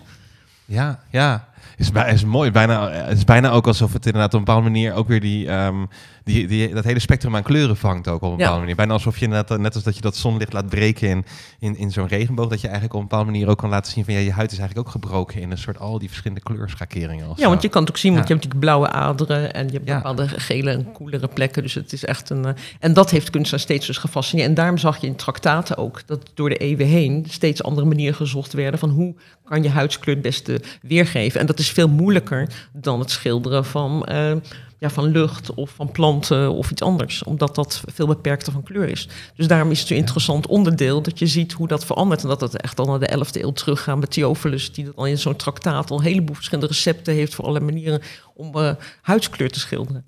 Zie je daar dan ook een ontwikkeling? Zijn er ook bepaalde stappen die worden gezet dat ze zeggen op een gegeven moment van, hé, maar dit, dit ontbreekt juist. Als je huid goed wil weergeven, dan moet je, weet ik veel, meer blauw gebruiken. Of dan moet je zus doen of zo doen of zo. Zijn daar op een gegeven moment ook eh, ontwikkelingen in, als het ware? Ja, je ziet natuurlijk dat ehm, de oude, als je vanuit de middeleeuwse kunst en de Byzantijnse eh, schilderkunst in feite, wat je een stukje ook hebt bij de iconenschilderkunst in de Russische iconentraditie, is dat je de, in de middeleeuwen die techniek had dat je eerst een laagje groen opbracht en daarna een heel dun laagje roze. En dan had je dat effect van het incarnaat. Dus het was Verdaccio noemden ze dat, dat je dan een groene gelaagde onder had. En dan had je een beetje dat effect. Dus alle draperie en alles werden in één, eh, met één pigment geschilderd. Maar juist dat incarnaat had je dus een laagje groen eerst en dan deed je roze erop. En dat was in die tempera schilderkunst, al die altaarstukken met al dat goud en zo. En dat, dat zie je dus in de, de middeleeuwen. Maar daarna, als ze met olieverf gaan werken, dan zie je dus dat het een tijd zelfs wat kleurlozer wordt. Dat ze vooral bruin en zwart toe gaan voegen aan wat roze. Dan wordt het eigenlijk een beetje kleurloos. Oh, en dan ja, zie je ja. vanaf de renaissance dat ze dan... eh, in de loop van de renaissance dat ze steeds meer kleurenleer gaan ontwikkelen... en steeds meer ervan uitgaan dat je al die verschillende kleuren... en dat je juist warm en koude naast elkaar moet zetten bij huid ook. Dus dat het, eh, en bepaalde zones in het lichaam die dan weer warmer en kouder moeten. Dus dan wordt het steeds subtieler. Ja. Maar daartussen heb je eigenlijk die, zeg maar die 16e eeuw, daar zit het, is het dan een beetje kleurloos geworden, omdat kunstenaars dan eigenlijk meer discussie hebben over, moet je nou bruin of zwart nemen? Nee, zwart versterft een beetje, neem dan bruin, weet Ja, je, want zwart ja. ziet, dan wordt er zo, wordt er zo grauw. Ja, en, en, en ik las ook in dat kunstboek dat, dat op een gegeven moment dat ook zelfs er een hele lange tijd ook een soort eh, taboe lag op het, het mengen van dat in de renaissance het mengen van kleuren eigenlijk wat, wat, wat meer eh, algemeen wordt, maar dat er in de middeleeuwen ook regels zijn van dat je bepaalde kleuren ook niet met, dat je niet mag mengen. Hè, dat, het, dat dat een soort ja, daar is een soort aversie tegen of zo. Dat vond ik ook heel frappant om te lezen. Nou, dat zie je natuurlijk sowieso nog steeds in ehm, die, wat zoals ik zei, die icones-traditie, die iconenschilderkunst, dat het gezien wordt als iets heiligs waar je niet mee experimenteert. Dat bij ons de schilderkunst vanaf de vroege middeleeuwen verder ontwikkeld is, was voor heel veel, ehm, ja, vanuit de meer orthodoxe kerk, was dat ondenkbaar dat je met Maria gaat experimenteren met verftechnieken en zo. Dus wij zijn Ja, eh, eh, in de Italiaanse renaissance hadden kunstenaars geen moeite mee om eh, lichamen open te snijden, weet je, dingen te onderzoeken. En, en dan eigenlijk gaan experimenteren met kleur en dergelijke. Terwijl je in de iconenschilderkunst ziet dat er geen verandering ontstaan is, omdat het te heilig is om mee te experimenteren. Ja, dus heb je eigenlijk een soort, ja, een soort religieuze constraint eigenlijk is op, op eigenlijk een verdere ontwikkeling eigenlijk van, Mm. van kleurgebruik of exp- ja, kleurexperimenten en zo. Ja. Ja, dat, eigenlijk, dat, dat wordt tegengehouden natuurlijk door oh, dat er ook gewoon een traditie is waar je aan moet vasthouden. Ja. En, eh, ja natuurlijk. Ja, ja. En we hebben het dan nu over die huidskleur. Ehm, misschien kunnen we het hebben over het boek waar je nu aan werkt. Ik ga het even voorlezen wat de titel is. Dat is Ambiguous Skins in Contemporary Art, Discussing Skin Tone Bias and Visual Literacy Through Visual Disruption. Dat is de, de, de werktitel, of is het al helemaal de officiële titel? Want je bent bezig met het manuscript nu. Ik ben met het manuscript bezig, dus dat Ja. betekent dat dat nog een werktitel is tot het eind. Maar de, de, eh, de belangrijkste trefwoorden, dat is altijd bij een werktitel van belang, dat het dus gaat over die kwestie juist van die eh, merkwaardige eh, gedachten in het indelen in groepen en kleuren. En dat kunstenaars daar juist in de hedendaagse kunst, want dat is meer mijn specialisatie, de hedendaagse kunst, om te kijken hoe kunstenaars op reageren. Dus ik begin wel met een historisch hoofdstuk waar je kan zien dat dat dat incarnaatschilder altijd een kwestie was. En dat het nou juist, als je aan die lijn volgt, dat het van kunstenaars al heel lang bekend was dat elke huid uit kleuren bestaat. Ja. Maar dat je aan de andere kant, in dat volgende hoofdstuk, als je dan gaat vanuit die rassenleer gaat kijken, werd er juist geprobeerd om het te vereenvoudigen in die groepen. En dan zie je dus vanuit de hedendaagse kunst dat ehm, kunstenaars daarop op reageren door het. ehm, en dat is dat, eh die visual disruption. Dat je dus, zoals ik in het begin zei met kunst, dat je probeert iets te verstoren, waardoor mensen dan ineens aan denken gezet worden. En dat je dan bijvoorbeeld Kevin James Marshall als zwarte kunstenaar dan natuurlijk ook weet dat de zwarte huid uit allerlei kleuren bestaat, Mhm. maar juist zwart als theorie het zwarte dan zwart maakt. Dus Ja, zo ja, ja. overdreven dat het schilderijen allemaal heel kleurrijk zijn. En dat je dan ineens denkt, dat is heel raar. Dat die persoon er echt zo ontzettend zwart is. Dat er dus gewoon helemaal verder geen kleur in zit. Dus aan de ene kant overdrijven. Aan de andere kant zie je omkering. Ja. Dat, eh, dat je dus eh, het, vanuit eh, het kolonialisme ziet dat er dus niet alleen ehm, eh, eh, verf, maar ook panties, pleisters, maar alle mogelijke dingen die je overal eh, kon kopen decennia lang. Dat het huidskleur was gewoon een beetje beigeachtig eh, Ja. westerse, eh, West-Europese kleur. En Ja, dat je dan... Het gehoorapparaat dat je het ook heel Ja. lang dacht. Ja, dat, noem je, dat is dus eigenlijk ook... en van- ondergoed, weet je. Dat is de skin tone bias die, Ja, die dat je dus ondergoed, dat je Afro-Amerikaanse kunstenaars zeiden, al dat ondergoed in dat, al die winkels ligt, de, de, de panties, de huidskleur, eh, BH's, eh, slips, al dat soort dingen. Maar dat je ook dus ziet dat Winsor Newton als een bekende Engelse verffirma al eh, decennia lang tubes verkoopt met flashtone erop. En dat, Ja. en, en dat Ja. hadden ze eerst verkocht ze dat in Engeland, omdat het een Engelse firma was. Maar dan gaan ze op een gegeven moment internationaal en dan passen ze dat, die naam niet aan. Dus dan kan je in China ook flashtone kopen, wat gewoon roze is. Dus dan zie je bijvoorbeeld dat Fang Liu, zo'n kunstenaar, dan zegt... nou, om dat, ge- om dat neer te zetten, dat statement... ga ik Chinezen schilderen met die flashtone hartstikke roze. De mensen Ja. denken, hé, wat raar. Maar dan snap je dat dat... Dat dat dus als je het in de winkel koopt, is. heel raar is. Ja. En je ziet aan de andere kant kunstenaars die fantasiekleuren gebruiken. Die juist, weet je, dat idee van het verhaal van, van de duivel waar we het eerder over hadden. Dat veranderen van kleur, wat dat betekent. Dus dat je dan ineens een hele andere kleur maakt. Dus dat idee van niet eh, juist het, ehm, het verwachtingspatroon volgen wat mensen verwachten. Dat je in die traditie van de manier van schilderen, van het kleurgebruik. Maar dat je dan die kleuren in feite eh, met een culturele betekenis gebruikt. Dus dat is natuurlijk het grote verschil. Ja. Dat het eerst ging het over hoe kan je het beste de werkelijkheid nabootsen, een formalistische oplossing. Maar dat je nu ziet dat die kunstenaars dat meer die keuze van kleuren gebruiken op een betekenisvolle manier, die te maken heeft met die rassentheorie, discriminatie. En, en dan is dus dat woord visual disruption in de titel, Ja. is om het dan door dingen uit te vergroten, om te keren. Weet je, dat, dat je daar dan dus dat krijgt, dat moment dat mensen dan even denken, hè? Weet je, er is Eigenlijk iets- is dit heel vreemd. Ja, Ja. en ja. dat is natuurlijk wat je heel vaak in de kunst ziet. Ja. Dat dingen uitvergroot worden en dingen overdreven worden, dingen niet kloppen. Weet je. En dat is de manier waarop kunstenaars spelen met het verwachtingspatroon. Dat je denkt dat je iets ziet, maar dan blijkt het er iets anders te zijn. En dat is natuurlijk een heel bekend mechanisme wat in de beeldende kunst zien. En dat zie je dus op dit gebied ook. Dat juist in die, die merkwaardige gedachten over die skin tone bias, dat die mensen allemaal, de andere mensen, sommige mensen niet alleen andere kleur hebben, maar juist ook die superioriteit. Want dat is natuurlijk in feite die skin tone bias. Het is niet zo dat, dat er verschillende kleuren van mensen zouden zijn. Dat zou nog niet eens het grote probleem zijn. Maar het is juist die hiërarchie. Ja, dat vanuit die rassentheorie, ja, ja. dat, er van, dat Ja. het al terugging van dat de ene superieur is, eh, superieur is dan de ander. En dat zie je natuurlijk in meerdere culturen terug. In India zie je dat met de rassentheorie. Heel veel, niet alleen de westerse rassentheorie. Maar dat je dus op die manier naar kleur kijkt, als een Mhm. hiërarchie. En dat zijn die culturele betekenissen. Ja. Ja. Ja, en dat is juist waar die hedendaagse kunstenaars op eh, reageren. En ook inderdaad op dat soort elementen van dat je als Afro-Amerikaans kunstenaar dan ineens met, die, met dan het ondergoed en panties en alles zit een bepaalde Mhm. kleur. En dat je nu al ziet dat er eh, natuurlijk met al die, ja, die hele discussie over Black Lives Matter en dergelijke, dat er steeds meer merken, make-up, Ja. pruiken, eh, gez- gewoon niet alleen de gewone gezichtsmake-up, maar dus ook eh, kleding en schoenen en alle, dat ze die in al die verschillende varianten gaan maken en dat ze meer interesse krijgen voor juist die variëteit. Ja, en je maar dat heeft daar- heel lang geduurd. Ja, want Norbert haalde net dat al even aan, maar je had tijdens het voorgesprek een mooi boek bij je. Dat heb je nu weer naast Ja. je liggen. En daarin, eh, die kunstenares, die gebruikt de, de Pantone-kleuren, zoals je vertelde, dus uit dat grafische systeem, om dus aan te geven dat eigenlijk iedereen waarvan we dan misschien op het eerste gezicht zou- zouden zeggen... als we met die wit, geel, zwart, Ja. eh, rood kleuren in ons hoofd zetten... eh, nou, dat zijn allemaal witte mensen of dat zijn allemaal zwarte mensen.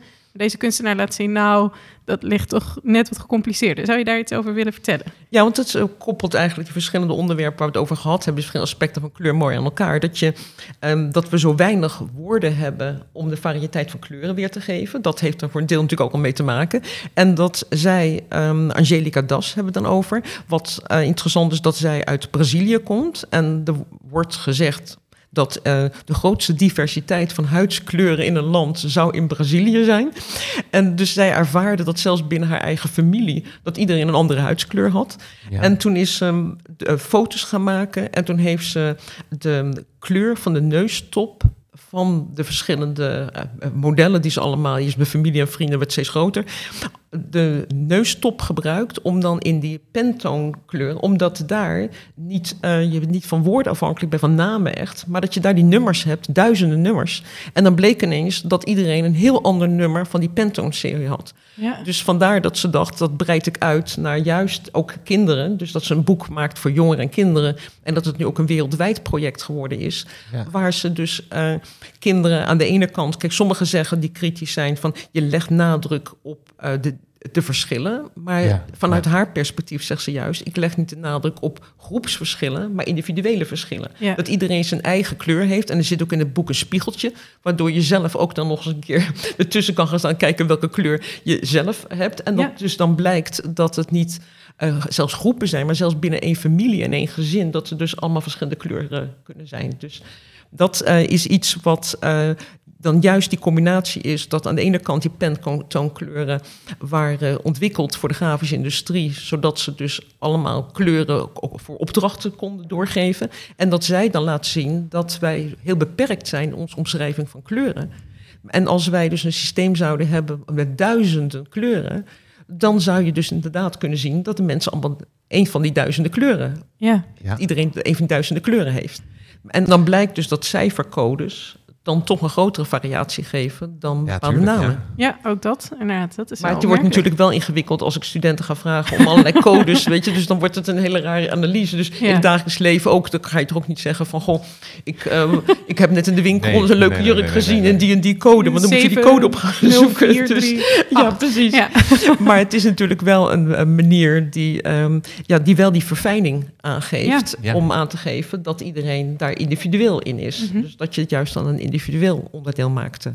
Ja. En het vooral het bewustzijn, want dat is natuurlijk het belangrijkste in feite daarvan. Niet het, eh, alleen het uitbreiden van het project wat zij doet, maar juist die bewustwording. En dat is natuurlijk wat je ziet, dat eh, kunstenaars daar ook steeds meer van bewust zijn. Dat je niet alleen naar de, in de museumomgeving voor eigen gemeente preekt. Want dat Mhm. is natuurlijk heel vaak dat je voor een eigen groep die allemaal ongeveer dezelfde ideeën hebben, kunstwerken maakt. Maar dat het een interessante ontwikkeling is dat kunstenaars ook boekjes maken voor kinderen. Ja, Dat je daar begint Ja. met eh, juist ja, kinderen laten experimenteren, met kinderen met, met verf laten werken. En, op die manier dus eh, kinderen juist eigenlijk veel bewuster te maken van, eh, van het kijken. En Ja, en ook op een bepaalde manier dat die kleuren niet waardevrij zijn. Eh, dat, je, dat je ook kan zien inderdaad dat er, wat je al zegt, er is vaak een eh, cultureel referentiekader. Je kan ook, nou ja, hele een soort rassenleerachtige ideeën eraan, eraan vastzitten. En dat, ook dat koud-warm. Het laat vooral ook inderdaad zien, ja, dat het inderdaad niet, een kleur is niet zomaar een kleur. Het is niet zomaar lukraak een kleur. Dat, dat, dat, dat, dat juist zoveel, zo'n gelaagdheid ook weer zelf bij die kleur zelf komt kijken. Net als dat je zei van die huid heeft al die verschillende kleurschakeringen. Zie je ook eigenlijk dat één kleur heeft er ook allerlei verschillende betekenisschakeringen draagt het in zich. Eh, waar, je, waar je niet zo 1, 2, 3 bij stilstaat als je gewoon naar kleuren kijkt. Maar die dus wel en heel slim worden gebruikt. Want ik zat ook wel te denken... En, en een hele andere schilder die heel veel met, met, met, met, en ben ik toch wel benieuwd. En je zit er nu toch, dus kan ik het aan je vragen. Dus eh, eh, Francis Bacon, en, in, en dan niet de verlichtingsfilosoof, maar de, de, de, de Ja. kunstschilder, doet ook heel veel met, met huidskleur. Zit daar dan ook een, zou je dat ook disruptive eh, kunnen noemen? Dat, de manier waarop hij huidskleuren inzet, eh, de manier waarop hij nou, wat interessant is dus dat ehm, Francis Bacon eigenlijk doorgaat op iets wat je ehm, vanaf schilders zoals bijvoorbeeld eh, Rembrandt eh, ziet en Titiaan, die ehm, gaan niet alleen visueel uit van het representeren, het, het nadoen van, eh het naproberen te maken van eh, zo goed mogelijk laten lijken van huidskleur visueel. Maar je ziet dat bijvoorbeeld bij eh, die hele dikke verf die eh, opgebracht wordt door Titiaan, maar ook bij Rembrandt, die dan echt rimpels zelfs eh, in de verf trekt met de achterkant van zijn penseel. Dat de verf Ah. zelf, de verfhuid, ook beschouwd wordt als ehm, dat het ook natuurlijk dat huid niet alleen een kleur heeft, maar dat huid ook echt huid is. Dus ehm, Ja. waar je in het verleden zag dat het eigenlijk alleen maar een visuele gelijkenis was, hebben ze nu zoiets, ja, maar eigenlijk is die verf ook een huid. Dus je hebt dat die eh, het schilderij is niet alleen een representatie van menselijke huid, maar die wordt ook omgezet van menselijke huid naar verfhuid. Ja. En wat je dan dus eh, ziet, is dat in sommige teksten, eh, bijvoorbeeld dat Titiaan en Rembrandt, dat het hebben over dat die verfhuid, weet je, die in feite net zoals de menselijke huid veroudert. Ja. Die krimp, die een beetje die breekt, weet je. Dus het is echt, ja, het is, ja, ja. het- dus het is echt verfhuid is in feite ook een soort vervanging van de huid die je schildert. En ehm, dat zie je bij Francis Bacon. Dat eh, de manier waarop hij er vaak zand ook in eh, doet en de verf op een bepaalde manier opbrengt, is dat je een heel erg ehm, wat ze dan noemen skin awareness krijgt. Dat je dus ook bewustzijn van het fenomeen huid krijgt als huid. Het is ons grootste orgaan. We kennen elkaar alleen maar. Ik bedoel, we kennen elkaar niet van dat we weten hoe je eigen of van een ander de maag of de darmen of wat anders daar. Maar het gewoon huid is het allergrootste orgaan. Dat is de, eigenlijk de manier waarop wij onszelf kennen in de spiegel, maar ook andere mensen. Dus dat huid niet alleen een kleur heeft, maar juist ook een, een huid is. En als je als schilder een schilderij maakt, heeft je oppervlakje werkertje, maar ook een huid. En hoe dat zich tot elkaar verhoudt, hoe verf zich gedraagt. En, en vooral olieverf natuurlijk, wat zoals gezegd eh, een, een oppervlak heeft, krimpt, en waar je zand in kan doen. En, en dat zie je dus heel duidelijk bij eh, Francis Bacon, dat het niet ehm, de letterlijk, want als je er voor die werken staat, dan herken je niet gelijk menselijke huid. Dat je denkt van, oh, dat is net alsof ik in de verte kijk of een foto is. Maar het is eigenlijk veel meer het weergeven van beleving van huid.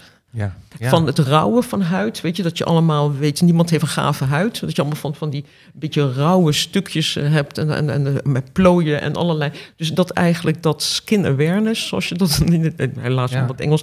Maar dat je dat bewustzijn van dat je huid, als je voor, vlak voor die schilderijen staat. Daar moet je ook Francis Bacon altijd in het echt zien, niet op een plaatje. Dan zie je dus echt dat, dat hij vooral, hij deed heel veel met menselijke lichamen, met huid. Dat was ons centraal, want meestal de acht- omgeving is bijna leeg. Ja, ja. Maar juist die fascinatie om huid echt als, als het, het voelen van huid, maar dan dus door middel van het om te zetten naar verf. Dat, dus dat het niet in de gelijkenis zit, maar in puur het ervaren van wat huid is. Ja, ja, ja, ja, ja, ja. Is ook wel, ja, is heel mooi. Want vooral ook omdat hij ook weer vervolgens met lichaamsvormen daarin weer speelt op een Ja. bepaalde manier. Dat het ook een huid is, maar het lijkt ook alweer soms iets anders bijna weer te zijn. Als, omdat hij ook, het is inderdaad niet dat hij gewoon even een mens weergeeft. Dat hij natuurlijk soms ook wel. Maar ik bedoel, ja, ja, ja. ja. Ja. en zeker dus natuurlijk niet op probeert om dat schijnbaar driedimensionaal weer te geven. Want het is nou juist die, ehm, de huid van het schilderij, wat natuurlijk ook een vlakke huid is. ja. Dus ja. het is de beleving van de huid van het schilderij. En dan gelijkertijd daarmee, omdat het ook een persoon is die die dan schildert, het bewustzijn van huid in het algemeen. Ja, ja. ja een hele mooie gedachte inderdaad. Dat het doek zelf die huid is. En daarom ook verouderd. En daarom begrijp ik ook meteen wat je aan het begin vertelde van... Als je dus dan een schilderij eh, en dan, dan, dan daarnaast het schilderij gaat hangen... Voor, zoals het dan nou ja, onaangetast zou zijn door de tand destijds... Ja, dat je dan eigenlijk, dat is eigenlijk hetzelfde als als je zegt van ja, maar iemand die net eh, eh, heeft gezond of zo. Of, eh, Ja. of dat, ja, die, die zet je ook niet iemand ernaast die dan Ja. niet gezond is of zo. Hè? Ja, dat is op een bepaalde manier. Die huid vertelde, dus die heeft zijn eigen geschiedenis. Die, die, Mm. Ook die verfhuid heeft zijn eigen geschiedenis. En, en die kan je niet zomaar loslaten ervan. Ja, en dat maakt dus misschien ook een aardig voorbeeld dat je dat de studenten wel eens zeggen, ja, we denken altijd, nou, kunsthistorici, weet je, hebben die nou zo'n moeilijk onderwerp, want je zit nou, kijk naar zo'n schilderij van, dat, dat ziet iedereen toch.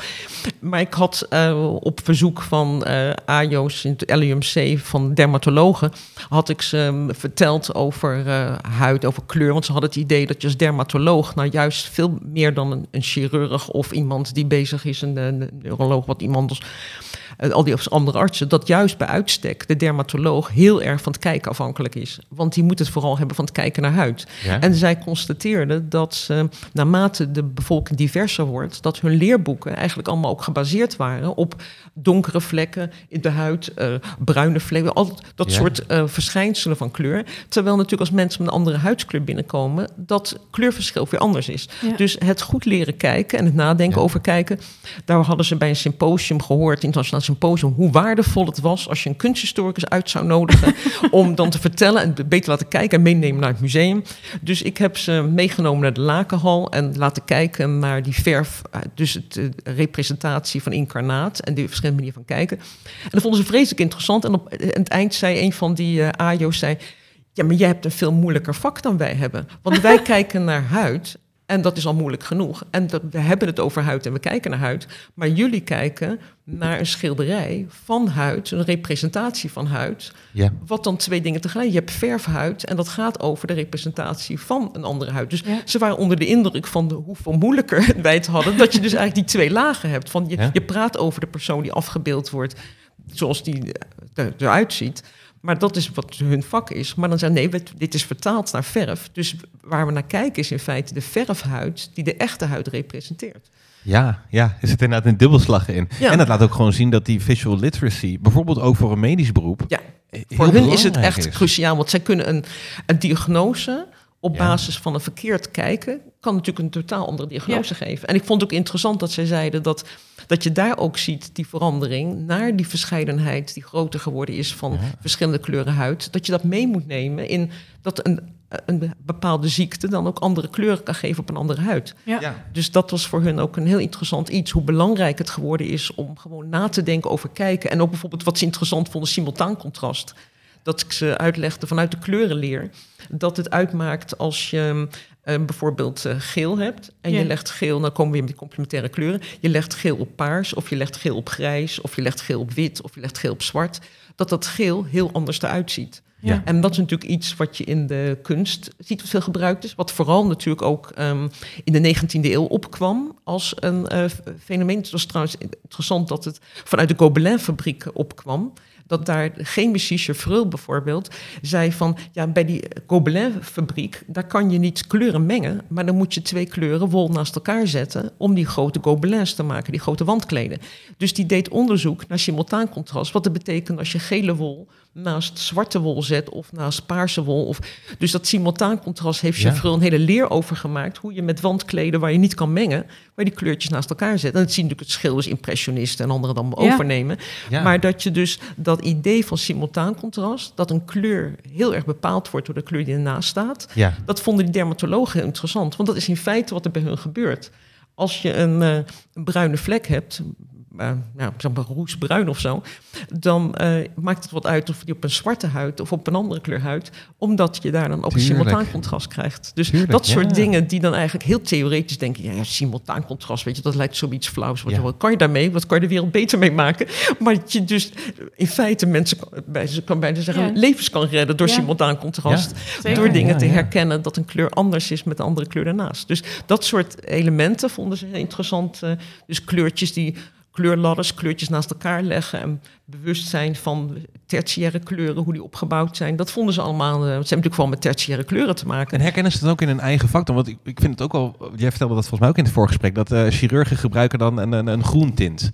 En dat dat ook een, een, een, een reden heeft. Dat als je aan het opereren bent bijvoorbeeld... dat, een, dat eh, ja, ja, groen en je hebt natuurlijk die huid... en dan heb je vervolgens, als je dan daar dan ingaat... dan wordt het er toch een hoop meer rood. Eh, Wat is daar dan de... eh, Hebben ze daar ook een zicht op waarom ze dat doen? Of, of is dat gewoon iets wat vanzelfsprekend is? Van, ik heb gewoon Nee, maar dat heeft dus inderdaad, dat is dan weer niet cultuur bepaald. Want dat is dan weer het element wat ik zei, dat, je, we- dat het over op de wereld geldt. Omdat dat Ja. dan weer met het oog te maken heeft. Dat je dat gele peren door paarse papiertjes, eh, dat die sterker worden van kleur. Maar dan, is het, dan lijkt het tegenovergesteld dat je zegt als de slager groene slaablaadjes ne- eh, naast het eh, vlees neerlegt om het sappig te laten lijken, dan denk je dat is toch vreemd als een chirurg Ja. groene kleden Ja, ja. neerlegt, want die is helemaal niet op uit om dat nog bloederig en nog roder te maken. maar dan zie je dat er dus in dat complementaire contrast ook iets anders speelt, wat we allemaal ook kennen vanuit het eh, puur het fysieke, dat als je lang naar bijvoorbeeld als je naar de zon kijkt, naar de gele witte zon, krijg je zwarte vlekken. Als je daarna als je wegkijkt, als je lang voor een rood stoplicht staat, zie je daarna groene vlekken op je ogen. En je kan het allemaal testen als je met hele felle kleuren verf, als je een eh, vierkantje, heb ik ook voor studenten gedaan, een vierkantje knalgeel maakt en je laat ze daar 15 seconden naar kijken en ze moeten daarna naar een wit plaatje kijken, zien ze paars. Dus Ja. het oog krijgt als het, ehm, en dat is dus fysiek te verklaren, als het Ja. oog een, een overdosis krijgt van het een, dan compenseert het naar het ander. En om te voorkomen dat dus die chirurgen, als alleen maar met het rood, dat het oog dus eh, overbelast wordt aan impulsen, zit het groen ernaast om dat op te heffen, zodat je dus niet als je de operatiekamer uitgaat, dat je ineens allemaal groene vlek op je ogen ziet. Ja, ja, ja, ja, ja, inderdaad. Dat is eigenlijk, ja, en ook natuurlijk omdat het kijken gewoon heel... Ik kan me ook voorstellen dat als je dan... eh, eh, eh, ja, dat je, je wordt eigenlijk niet... Je moet natuurlijk visueel niet te veel worden afgeleid ook. Je moet natuurlijk heel erg geconcentreerd werk doen. En dat mag niet zo zijn dat, dat jij... ik kan me voorstellen dat die kleurverschillen ook belangrijk zijn voor de waarneming van wat je aan het doen bent. Hè? Dat je ook goed moet kunnen kijken inderdaad. Als je dan in één keer een complementaire kleurvlek krijgt, dat je dan ook niet meer goed die operatie kan, ja, kan, kan bewerkstelligen. Maar ik zei, het komt dus heel gek over bij mensen als je dus eerst vertelt van de, de slager wil het sappiger Ja. maken. en dat je dan zegt, Ja. ja. maar ik was bij de operatiekamer, dan hadden ze dus ook eh, de groene Daar was sla. ik eh, de hamburger, om het maar zo te zeggen. Ja, ja, ja, ja. Ja. ja, ja, Maar ja. dan zie je dus dan hoe die kleur eh, werkt. Maar ik zei, dat is dus het in- interessante ook na alles wat zo subjectief lijkt, waar we het gewoon nu de afgelopen minuten over gehad hebben. Dat er dus nog steeds ook die hele eh, over, ja, eh, overstijgende elementen zijn die puur fysiek zijn. Wat, Ja. zo, wat ik zei, van dat eh, er nergens op de wereld iemand eh, blauw-groen meer naar voren vindt komen dan geel-rood. dus dat heeft puur met het oog te maken. En toen ik een keer aan een iemand in, die ook bij het sociale wetenschappen bezig was met kleurpsychologie. Die zei, ja, ik vind het niet zo gek dat als jij zo'n kunstwerk laat zien waar rood en blauw of rood en groen, dat je die kunstenaar probeert heel veel effect te bereiken. Hij zei, dat kan ik gewoon vanuit het oog verklaren. Dat die kegeltjes of staafjes, dat die gewoon heel erg, die, daar gebeurt heel veel. Die gaan met elkaar gaan, die, die echt tintelen letterlijk in je oog. Dus dat is dan niet iets wat je aangeleerd hebt. Of, dat is ook Nee, echt te verklaren vanuit het oog. En daarom zie je dus ook dat er ja, dus van die onderzoeken zijn dat als er gekeken wordt wereldwijd naar wat de meest gebruikte kleur is, of de favoriete kleur, Zeker, dat ja. juist rood boven komt omdat eh, bij tempels en bij allerlei plekken dat je ziet dat rood gebruikt wordt als een eh, belangrijke kleur. Dus op die manier zijn ze dus ook wereldwijd gaan kijken. Er zit Ja. natuurlijk wel verschil in. Weet je, sommigen die gaan, eh, kiezen juist voor blauw of voor Ja, geel. wat je maar vertelde, eh, eh, islamitische moskeeën, die- dat Ja. is doorgaans groen, Ja. dus dan weer heel belangrijk. Ja, Ja, maar je ziet dus dat Ja. als je dan dus het uitmiddelt, dat je dan kijkt op allerlei plekken, dat er dan net ene kleur iets vaker genoemd wordt. Maar, het, eh, maar dus er zijn dingen in het oog en in de, ja, in de natuur dat we allemaal bijvoorbeeld de lucht als blauw zien. Ja. Sommigen zeggen dat is natuurlijk een gegeven dat de mensen op de wereld overal dat hebben als referentiekader, dat we de lucht in ieder geval als blauw zien. Ja. Dus ja, ja, ja, dat ja. is dan toch niet gewoon. En de, dat je de Behalve als je natuur in je zit en je hebt geen woord voor blauw. Ja, maar, dat je dus een, eh, maar wel de ervaring hebt. Ja, je dus ja, niet het ja, woord, ja. maar gewoon de ervaring. Dus Ja, er zijn ja. natuurlijk bepaalde dingen die, het, die maken dat we niet helemaal allemaal op de wereld het anders. eh, want overal waar je gaat, zie je dus die blauwe lucht en blauwe Ja. zee. Dus er zijn bepaalde referenties. En bijvoorbeeld de zon, dat je ziet in al die cultuur waar goud een belangrijke rol speelt, dat natuurlijk de zon, de, de- het belang van de zon en dat de zon geel goud is. En dat die zorgt voor dat de plantjes groeien. En dat het dus allemaal dat de mensen, dat, dat hoe belangrijk zonlicht is. Zie je dat het in religies, dat het niet gek is dat er gekozen wordt voor, voor goud en geel. Omdat dat gekoppeld is aan dat je weet hoe belangrijk de zon is. Ja, Dus tuurlijk, Het- ja. er Ja. zijn ook van die dingen die je zegt, die, die zijn overstijgend. Die hebben gewoon te maken met ons oog of met overleving. Of Ja. dat soort Ja, elementen. je zit eigenlijk tussen eigenlijk een hele, een hele objectieve benadering Ja. van, van kleur, waarbij je gewoon inderdaad eh, anatomisch, je hebt bepaalde beperkingen, je hebt bepaalde, wat je al zegt, je ziet maar een deel van dat elektromagnetische spectrum. En tegelijkertijd heb je een enorme soort culturele geschiedenis, maar ook inderdaad allerlei biases, subjectieve kanten. Hoe je jezelf weer kijkt is weer anders dan anderen. Dus, dus ja, je schippert echt tussen een enorme soort objectiviteit en subjectiviteit eigenlijk uh, met, dat, met, met die kleur. Ja, ja, op een bepaalde manier ook een soort, ja, ook een soort schoonheid kent, toch? Ja, daarmee, ja, ja, dat geeft wel aan hoe belangrijk die visuele uh, visual literacy ja, ik, ik, denk, ik denk zeker dat, dat, dat, dat, dat we inderdaad niet alleen over analfabetisme moeten praten, maar dat het ook, ook, ook, ook die visual literacy is hartstikke belangrijk. Uh, wij willen je, ik, ik vraag even over wij, wij willen je hartelijk danken voor dit gesprek, Helen. Nou, graag gedaan. Dankjewel. En uh, natuurlijk ook de luisteraars thuis, uh, hartelijk dank voor het luisteren en tot de volgende keer. Dit was weer een aflevering van Radio Horselnest. Dank u voor het luisteren.